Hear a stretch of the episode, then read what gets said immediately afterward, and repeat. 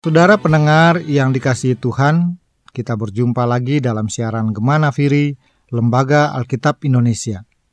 Saat ini saya akan mengajak kita untuk merenungkan bersama firman Tuhan yang diambil dari Injil Matius pasal 25 ayat 24 sampai 30. Matius pasal 25 ayat 24 sampai dengan 30 demikian bunyi firman Tuhan. Kini datanglah juga hamba yang menerima satu talenta itu dan berkata, Tuan, aku tahu bahwa Tuhan adalah manusia yang kejam, yang menuai di tempat di mana Tuhan tidak menabur, dan yang memungut di mana tempat Tuhan tidak menanam. Karena itu, aku takut dan pergi menyembunyikan talenta Tuhan itu di dalam tanah. Ini, terimalah kepunyaan Tuhan.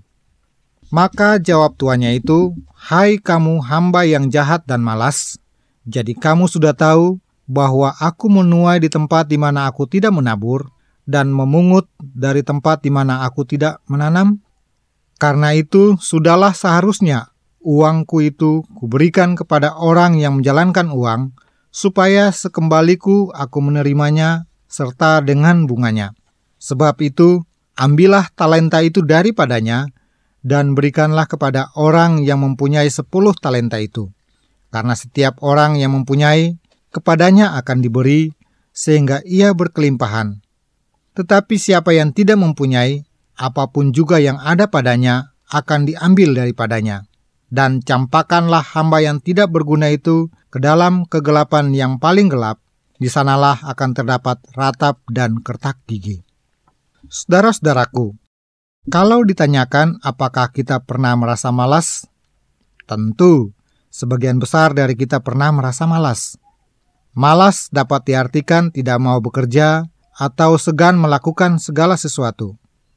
Secara teologis, kata malas bukan saja mengandung arti kemalasan dalam hal-hal rohani, tetapi juga sikap apatis dan tidak aktif dalam aktivitas rohani. Kemalasan membawa hidup seseorang menjadi rusak dan tidak berguna. Dalam Alkitab dipaparkan, si pemalas dibunuh oleh keinginannya karena tangannya yang enggan bekerja.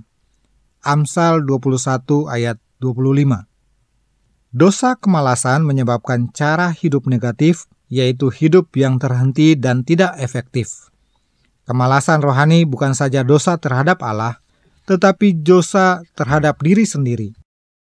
Orang malas seumpama sepotong kayu yang terapung di air dan dibawa oleh arus tanpa harus bergerak dan tidak punya minat.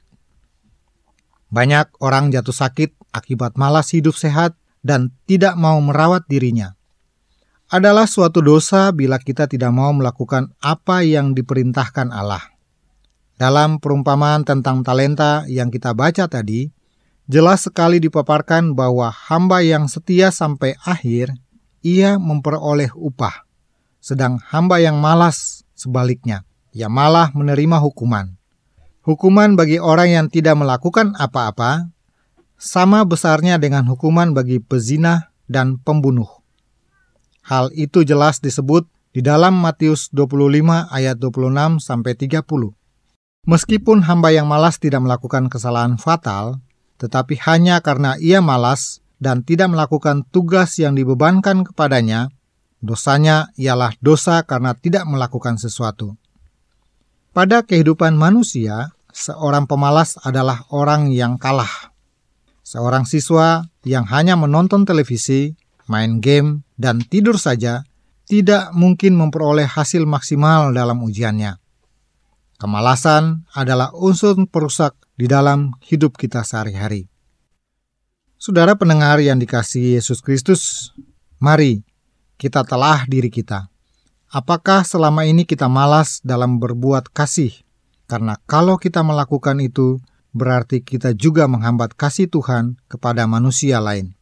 Seperti yang tertulis di dalam Matius pasal 25 ayat 45 dikatakan, Segala sesuatu yang tidak kamu lakukan untuk salah satu dari yang paling hina ini, kamu tidak melakukannya juga untuk aku.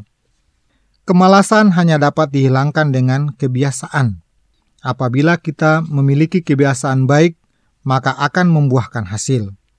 memulai kebiasaan memang tidak mudah. Namun dengan memisahkan diri dengan rutinitas baru, minimal enam kali, maka selanjutnya akan mulai kebiasaan itu secara wajar. Misalnya, kita mulai membiasakan membaca Alkitab dan berdoa setiap pagi selama 15 menit dan rutin, maka yang akan kita lakukan setiap hari minimal enam hari pertama. Selanjutnya, pada hari ketujuh, Anda merasa sudah menjadi bagian dari kebiasaan Anda. Mungkin ada satu atau dua hari tanpa Anda lupa. Namun ketika Anda ingat bahwa Anda tidak melakukan kebiasaan itu, maka akan terasa ada yang kurang. Mari saudara, janganlah kita membiarkan segala hal yang menghalangi hubungan kita dengan Allah. Bila Anda mempunyai janji dengan klien penting, tentu Anda akan berusaha maksimal supaya tidak terlambat. Tetapi kita selalu terlambat dan lamban terhadap janji kita dengan Allah. Bahkan, kita juga tidak pernah mempersiapkan pikiran kita saat kita berdoa kepadanya. Perlu diakui, kadang kita memberikan kepada Tuhan sisa-sisa waktu kita, yakni pada saat kita letih dan akan tidur. Kita memanjatkan doa sehingga kita tidak dapat memusatkan pikiran pada waktu kita berdoa. Dalam hal ini, kita melakukan dosa kemalasan.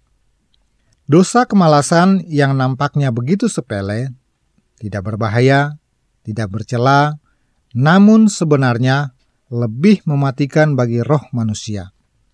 Di dalam Yakobus 4 ayat 17 dikatakan, Jadi jika seorang tahu bagaimana ia harus berbuat baik, tetapi ia tidak melakukannya, ia berdosa.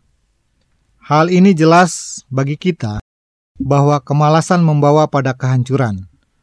Kemalasan membuat orang menjadi tidak bertanggung jawab terhadap diri sendiri apalagi terhadap orang lain dan kepada Tuhan. Marilah kita berubah. Kita buang segala kemalasan supaya kita dapat menjadi berkat dan saluran kasih Tuhan kepada sesama. Jangan ragu memulai kebiasaan baik dan percayalah, Tuhan senantiasa menyertai kita semua. Amin.